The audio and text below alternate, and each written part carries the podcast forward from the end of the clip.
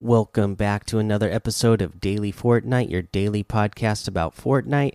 I'm your host, Mikey, aka Mike Daddy, aka Magnificent Mikey. Today's Thursday, so the DreamHack opened for uh, NA East started. Again, I didn't get to watch any of it, but uh, make sure you guys are watching that because I bet there's some great gameplay going on in NA East. Everybody knows that is one of the most uh, well thought of uh, regions. So definitely uh, check that out. And then tomorrow uh, should be a lot of fun to watch in it with the uh, week one finals there. So go check that out as well. Uh, let's see here. other than that, there's just one other piece of news that I really want to mention. And again, it it's going back to the hashtag free Fortnite, and this is Apple ending Fortnite Save the World updates for Mac. So, this is what they have to say Apple is preventing Epic from signing games and patches for distribution on Mac, which ends our ability to develop and offer Fortnite Save the World for the platform. Specifically, our upcoming version 14.20 release will cause bugs for players on version 13.40, resulting in a very poor experience. Since we are no longer able to sign updates and release fixes for these issues, sign beginning September 23rd, 2020, Save the World will no longer be playable on Mac OS. We are issuing a refund for all players who purchased any Save the World Founders or starter packs, including upgrades, and played Save the World on Mac OS between September 17th 2019 to September 17th, 2020. Additionally, any purchase V-Bucks spent on llamas on macOS in this period will also be refunded. As of today, September 17th, 2020, Save the World starter packs will no longer be available for purchase on Mac OS. Please note it may take up to up until October 2nd, 2020 to receive the refund in your bank account. There's no action needed on your part to receive the refund, and you will retain any previously purchased V Bucks and items on your account. Players will still be able to play Save the World on PC, PlayStation, and Xbox, and thanks to cross progression, your heroes, schematics, and everything else in your home base will automatically transfer across supported platforms. Fortnite Battle Royale remains playable for Mac users at this time on the version 13.40 build, but is no longer receiving version updates due to Apple's actions. The latest version of Fortnite Battle Royale is available on PlayStation 4, Xbox One, Nintendo Switch, PC, GeForce Now, and on Android through both the Epic Games app at epicgames.com and the Samsung Galaxy Store. For more details on Apple's decision to block Fortnite, read our hashtag free Fortnite blog post and hashtag free Fortnite frequently asked questions. So there you go for Save the World players. Uh, if you have been playing on Mac OS, uh, that's not going to be uh, possible anymore. Again, this is just more of the ongoing issues between uh, Epic and Apple. Uh, again, this is another thing where Epic for sure knew what they were getting themselves into, uh, which is ultimately being bad for that player base. But at the same time, it's also Apple you know, being just as petty back and uh, going way farther than they need to. So, who knows when this is going to end? Uh, hopefully soon, but that's where we're at with this right now. Uh, let's see here. Other than that, I don't really have a whole lot of news. So let's go ahead and talk about this week's challenges.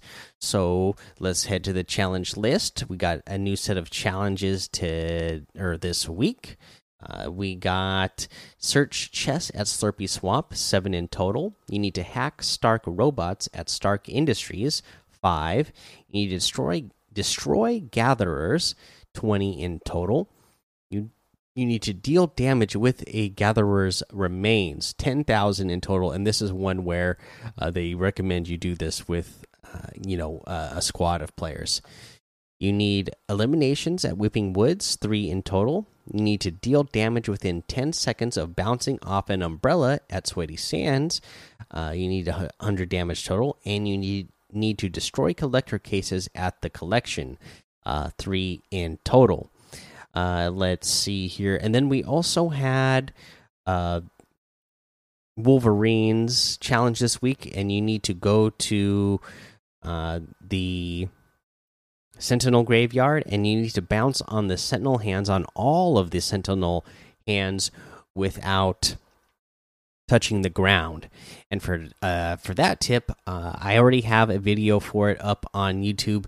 But just so you know, uh, remember that with the Sentinel hands, uh, you can use your glider after you've hit the the hands. So say you start on one and uh, most of them are going to bounce you around exactly to the next one that you need to go to but there might be one you miss so make sure you uh, pop your glider and then fly over uh, to one that you miss if you end up missing one or you know there's a chance that uh, especially right now there's going to be a lot of people going there to get it done at the same time you might end up you know running into somebody else as they're flying through the air as well, trying to get the challenge done, and that might kind of throw you off trajectory.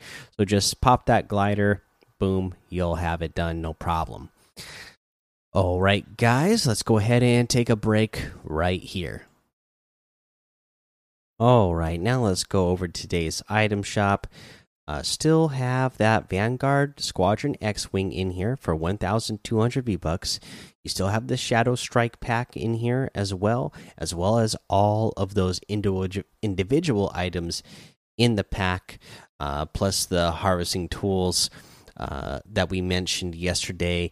Uh, so you can get all of those. I'm not going to go over every single one again. For what we have added today, we have the Oblivion outfit with the destabilizer backbling for 2000 V bucks. It has a new selectable style, gold. So now the outfit is uh, gold. and then we have the Criterion outfit with the stabilizer backbling for 2000, the Terminus glider for 1200 we have Sunbird outfit with the Sun Wings backbling for 1200. The Mesmer outfit with the Hypnotic backbling for 1200. The Axe Tech harvesting tool for 800. The Sunrise glider for 800. The Oppressor outfit with the Exospine backbling for 2000. The Plasmatic Edge harvesting tool for 800 the angled fire wrap uh, for 500. You have the Cuddle Team Leader with the Cuddle Bow backbling for 2000. The Cuddle Cruiser Glider for 800. The Cuddle Paw Harvesting Tool for 800. The Cuddle Camo Wrap for 300. And the Bear Force 1 Glider for 1500. We get the Renegade Shadow outfit with the Blast Radius backbling for 1500, the Stark Splitter harvesting tool for 800, the Full Tilt emote for 500, the Rage Quit emote for 200, uh, the Billy Bounce emote for 500, and the Goldie outfit for 1200 you can get any and all of these items using code Mike Daddy M M M I K E D A D D Y in the item shop, and some of the proceeds will go to help support the show. Now, for our tip of the day, we talked about this one the other day where you can use uh, Iron Man's gauntlets to fly, you know, pretty much halfway across the map where you throw the crash pad into the river, take a hot pepper, uh, jump in the water, and then uh, use the Iron Man's little his you know you swim, jump out, and then uh, do his little hover thing that the Iron Man gauntlets do, and then you end up flying like halfway across the map. Well, to make it even better, to add on to it today's tip, you know, people have figured out okay, you can do that, but what makes it even better is if you do all of those same steps, but now start swim swim a few instead of just jumping in the water uh, and going in that direction, then jumping onto it and doing it, do it so that when you uh, hit the crash pad, you got to be back far enough so that you're actually you're doing the dolphin swim thing, so that you'll be doing the dolphin swim when you hit the crash pad, and then start gliding uh, with that hover thing, and you can literally go all the way across the map. You can go like the full length of the map. So pretty insane uh, mobility move that you can pull off there. Don't know when you really are going to need to do that, but who knows? Maybe you are all the way down there at Camp Cod and the uh, you know the circle's all the way over at uh, Coral Cove, and you need to or Coral Castle, and you need to go all the way across the map. But you know who knows? Maybe that's a potential thing that could happen. I suppose, uh, and you need to get all the way across. That is one way that you would be able to do it. All right, guys, that's the episode for today. Go join the daily Fortnite Discord and hang out with us.